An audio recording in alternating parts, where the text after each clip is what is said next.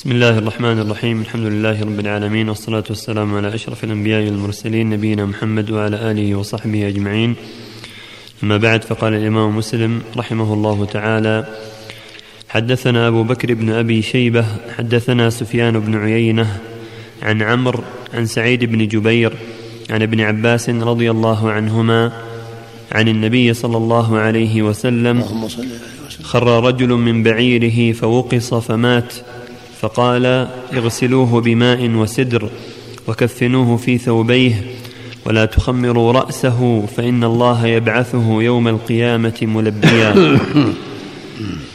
وحدثنا أبو الربيع الزهراني حدثنا حماد عن عمرو بن دينار عن عمرو بن دينار وأيوب عن سعيد بن جبير عن ابن عباس رضي الله عنهما قال بينما رجل واقف مع رسول الله صلى الله عليه وسلم بعرفة إذ وقع من راحلته قال أيوب فأوقصته أو قال فأقعصته وقال عمرو فوقصته. فذكر ذلك للنبي صلى الله عليه وسلم فقال اغسلوه بماء وسدر وكفنوه في ثوبين ولا تحنطوه ولا تخمروا رأسه. قال أيوب فإن الله يبعثه يوم القيامة ملبيا. وقال عمرو فإن الله يبعثه يوم القيامة يلبي.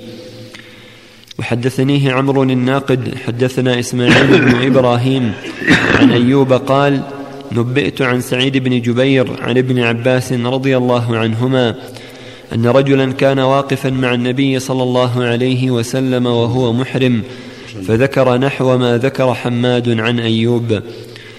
وحدثنا علي بن خشرم أخبرنا عيسى بن يونس عن ابن جريج أخبرني عمرو بن دينار عن سعيد بن جبير عن ابن عباس رضي الله عنهما قال أقبل رجل حراما مع النبي صلى الله عليه وسلم فخر من بعيره فوقص وقصا فمات. فقال رسول الله صلى الله عليه وسلم اغسلوه بماء وسدر وألبسوه ثوبيه. ولا تخمروا رأسه فإنه يأتي يوم القيامة يلبي. وحدثناه عبد بن حميد أخبرنا محمد بن بكر البرساني أخبرنا ابن جريج أخبرني عمرو بن دينار أن سعيد بن جبير أخبره عن ابن عباس رضي الله عنهما قال أقبل رجل حرام مع رسول الله صلى الله عليه وسلم بمثله غير أنه قال فإنه يبعث يوم القيامة ملبيا وزاد لم يسم سعيد بن جبير حيث خر. وحدثنا أبو كريب حدثنا وكيع عن سفيان عن عمرو بن دينار عن سعيد بن جبير عن ابن عباس رضي الله عنهما أن رجلا أوقصته راحلته وهو محرم فمات. فقال رسول الله صلى الله عليه وسلم يغسلوه بماء وسدر. وكفنوه في ثوبيه ولا تخمروا رأسه ولا وجهه فإنه يبعث يوم القيامة ملبيا. وحدثنا هذه الطرق في حديث ابن عباس تدل على أن المحرم إذا مات يبقى على إحرامه. لا ينتقض إحرامه بل هو باق على إحرامه. فيغسل ويكفن في ثوبيه ازاره ورداءه ولا يطيب. ولا يخمر رأسه ولا وجهه لأنه محرم. ويفيد أن الرأس والوجه لا يغطيهما المحرم الرجل. ويفيد أيضا أن السنة الغسل بماء وسدر للميت كما أمر النبي في غسل ابنته بماء وسدر. فالسنة يغسل الميت بماء وسدر إذا تيسر الصدر. وما تيسر الصدر يكون بغيره من الإشنان أو الصابون أو غيره مما يزيل الوسخ ولا يحنط يعني لا يطيب لأنه باقي على إحرامه. ولا يغطى رأسه ولا وجهه. ولا يلبس مخيط قميص بل, بل في الإزار والرداء. فإنه يبعث يوم القيامة ملبيا. وفي من الفوائد أنه لا لا يكمل عنه. ما دام مات على إحرام يبعث ملبي لا يكمل عنه. أجزأه حجه اللي مات فيه. لأن الرسول ما قال كملوا عنه ما قال طوفوا عنه رموا عنه. نعم. أحسن الله عليكم يا شيخ تغطية الوجه الأنف والفم للروائح يا شيخ. ترك أولى أحوط لأن تغطية الفم والوجه والأنف حول نصف الوجه ترك هذا أحوط يجرى اليد عليه والحمد لله أمر حتى يجاوز المحل. نعم. شيخ يربط يربط عليه. ثم يحل في القبر. نعم. وحدثنا محمد بن الصباح حدثنا هشيم أخبرنا أبو بشر حدثنا سعيد بن جبير عن ابن عباس رضي الله عنهما حاء وحدثنا يحيى بن يحيى واللفظ له أخبرنا هشيم عن أبي بشر عن سعيد بن جبير عن ابن عباس رضي الله عنهما أن رجلا كان مع رسول الله صلى الله عليه وسلم محرما فوقصته ناقته فمات. فقال رسول الله صلى الله عليه وسلم اغسلوه بماء وسدر وكفنوه في ثوبيه ولا تمسوه بطيب ولا تخمروا رأسه فإنه يبعث يوم القيامة ملبدا. وحدثني أبو كامل فضيل بن حسين الجحدري. وحدثنا أبو عوانة عن أبي بشر. عن سعيد بن جبير عن ابن عباس رضي الله عنهما أن رجلا وقصه بعيره وهو محرم مع رسول الله صلى الله عليه وسلم فأمر به رسول الله صلى الله عليه وسلم أن يغسل بماء وسدر ولا يمس طيبا ولا يخمر رأسه فإنه يبعث يوم القيامة ملبدا.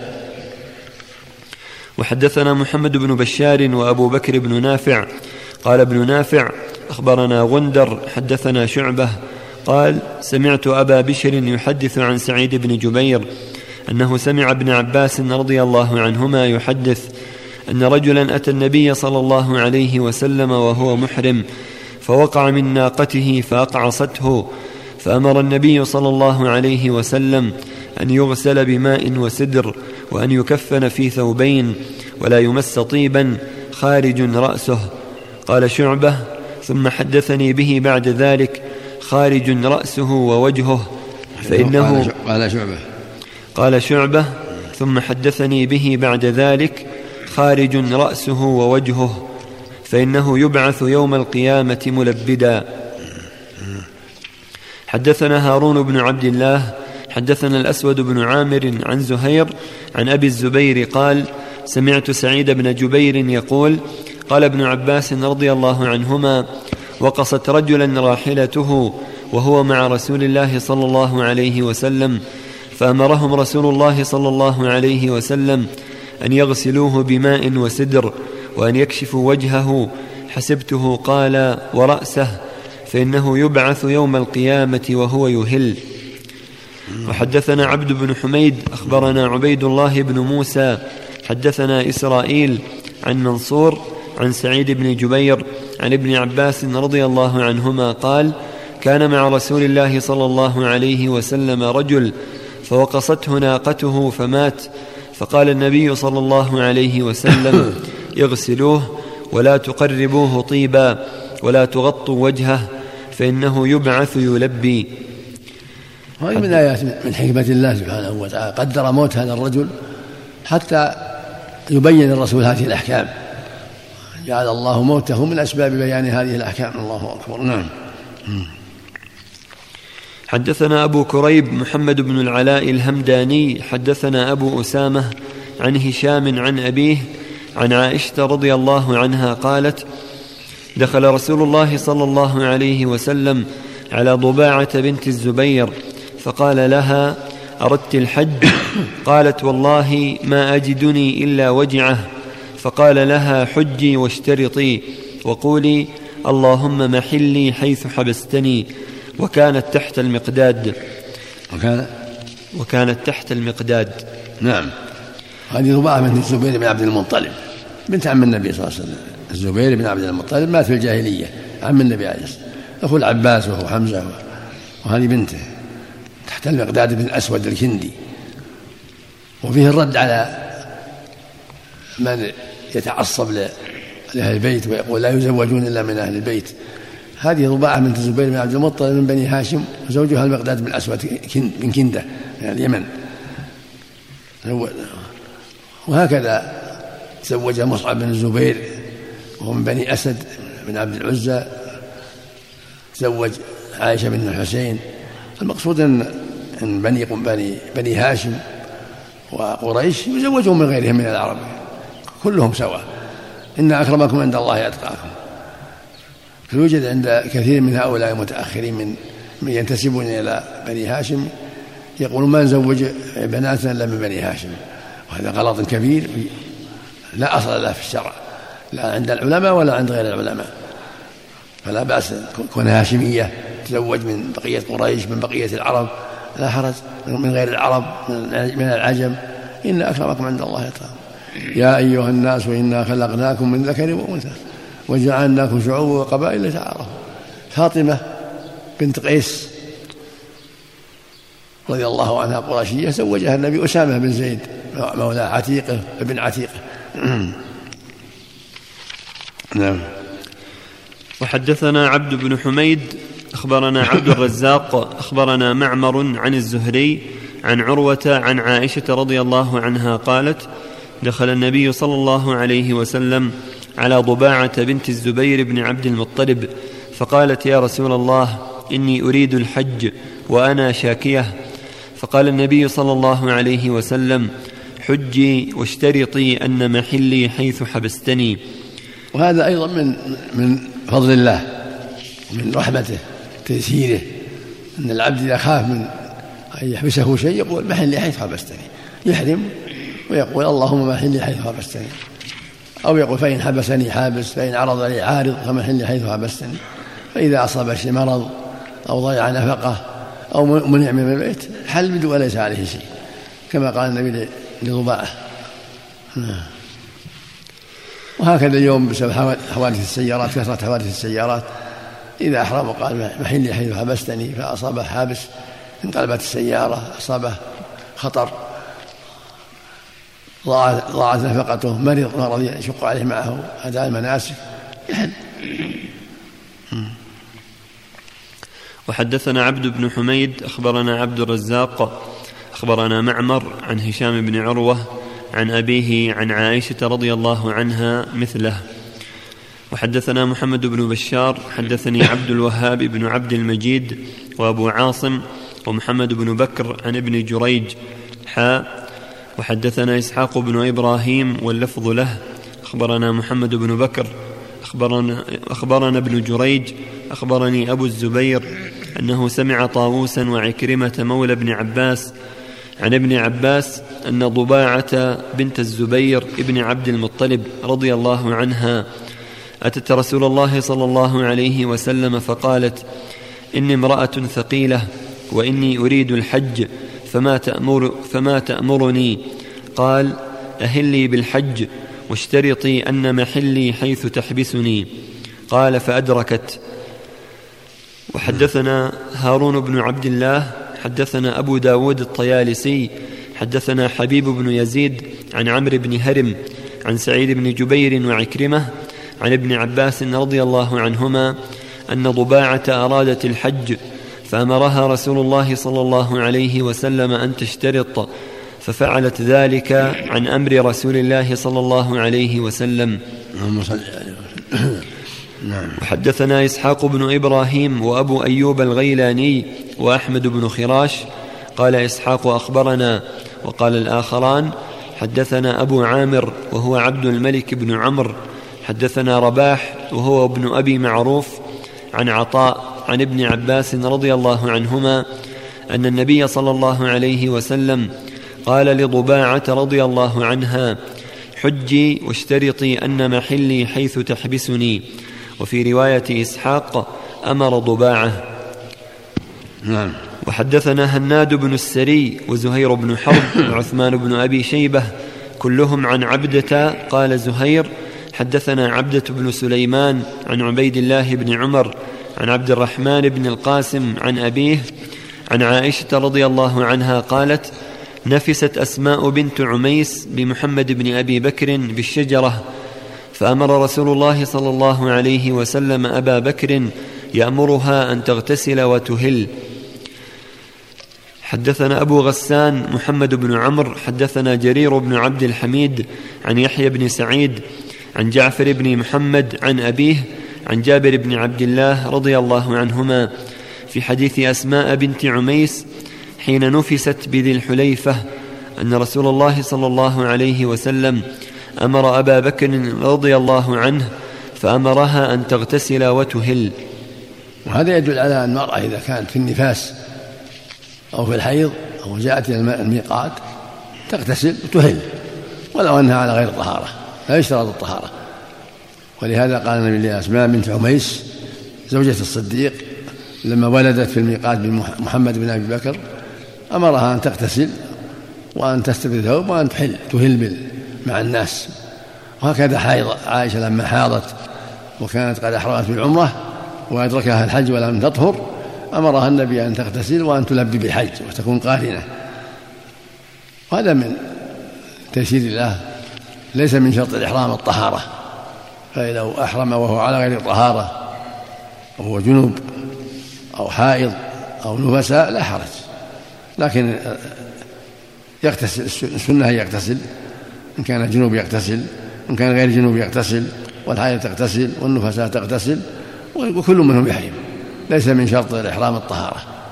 إنما الطهارة للطواف والصلاة لا للإحرام. الإحرام يحرم ولو كان على غير طهارة. لكن لا يطوف ولا يصلي إلا على طهارة. نعم.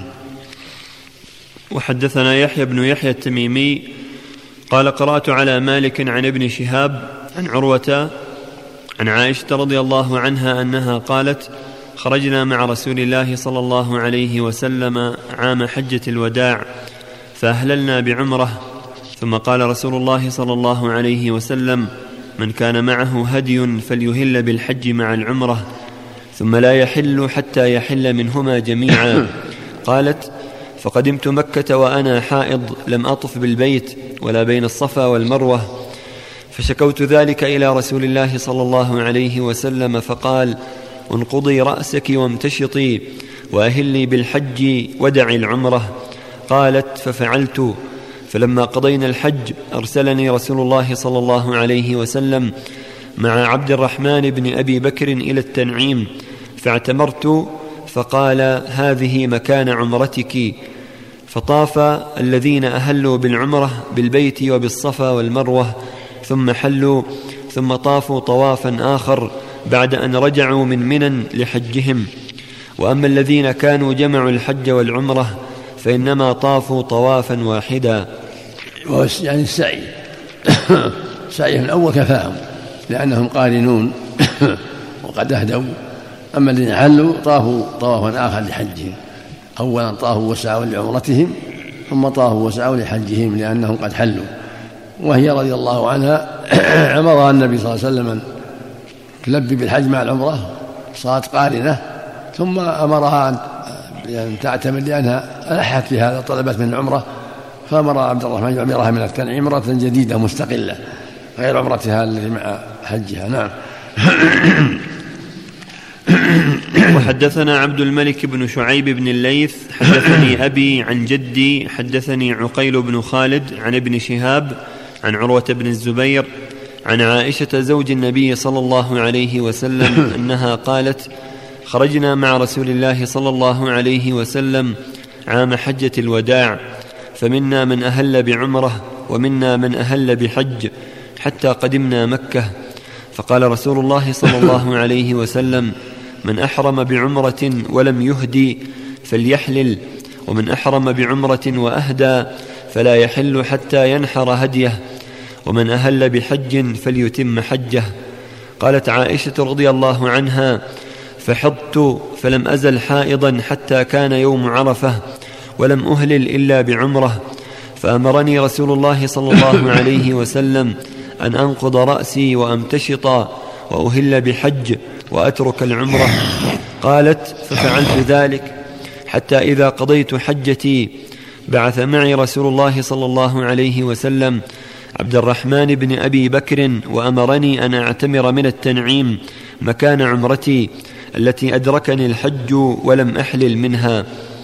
والمراد يعني أعمال العمرة أن تدع أعمال العمرة بسبب الحيض. فصارت عمرة داخلة في الحج قران ثم طيب نفسها بالعمرة الجديدة.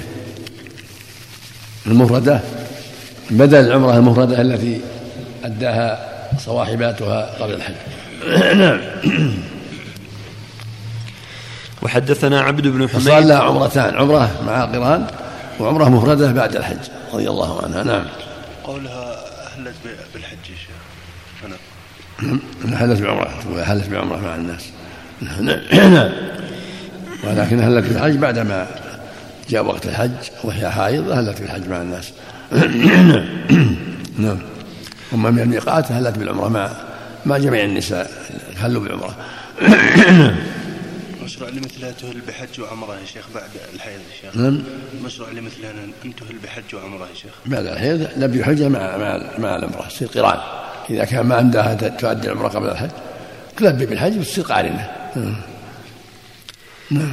وغيرها من الناس كذا نعم. لو أتاه محرم العمرة وخشي الفوت لبى بالحج صار قارن ونصى عرفات نعم نعم وحدثنا عبد بن. عبد عبد بن حميد وحدثنا عبد بن حميد أخبرنا عبد الرزاق أخبرنا معمر عن الزهري عن عروة عن عائشة رضي الله عنها قالت خرجنا مع النبي صلى الله عليه وسلم عام حجة الوداع فأهللت بعمرة ولم أكن سقت الهدي. فقال النبي صلى الله عليه وسلم من كان معه هدي فليهلل بالحج مع عمرته ثم لا يحل حتى يحل منهما جميعا.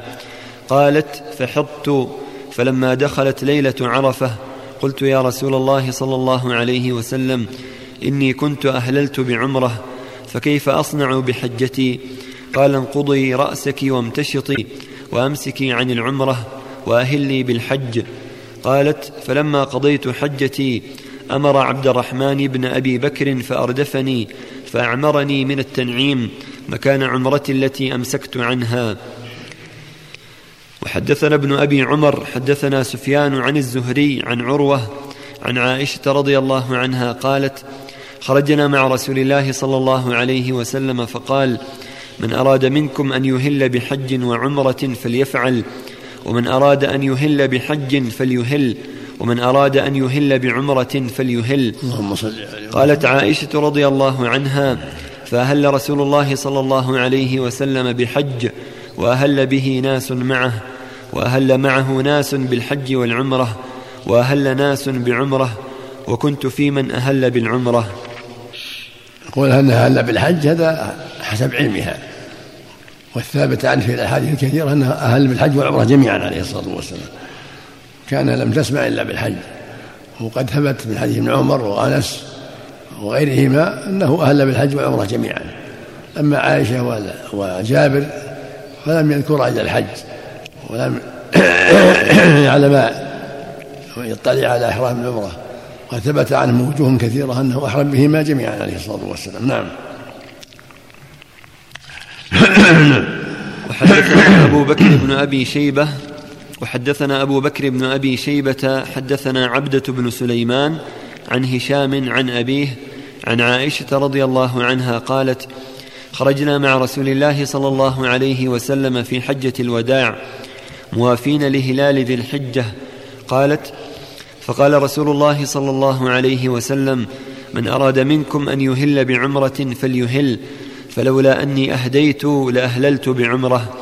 قالت فكان من القوم من أهل بعمرة ومنهم من أهل بالحج. قالت فكنت أنا ممن أهل بعمرة فخرجنا حتى قدمنا مكة فأدركني يوم عرفة وأنا حائض لم أحل من عمرتي فشكوت ذلك إلى النبي صلى الله عليه وسلم فقال دعي عمرتك وانقضي رأسك وامتشطي واهلي بالحج. قالت ففعلت. فلما كانت ليلة الحصبة وقد قضى الله حجنا أرسل معي عبد الرحمن بن أبي بكر فأردفني وخرج بي إلى التنعيم فأهللت بعمرة فقضى الله حجنا وعمرتنا ولم يكن في ذلك هدي ولا صدقة ولا صوم. وحدثنا أبو كريب حدثنا ابن نمير حدثنا يعني هشام. يعني من أجل هذا ما في شيء من أجل هذا. غير عمرة عمرة القرانة هذه معروفة. فمن تمتع فما استيسر من هدي. لكن مقصودها ما حصل لها من الحيض إدخال الحج عمرة ما ترتب عليه شيء آخر سوى هدي التمتع المعروف. نعم نعم. وحدثنا أبو كريب وحدثنا أبو كريب حدثنا ابن نمير حدثنا هشام عن أبيه عن عائشة رضي الله عنها قالت خرجنا موافين مع رسول الله. صلى الله عليه وسلم اللهم اغفر لها رضي الله عنها نعم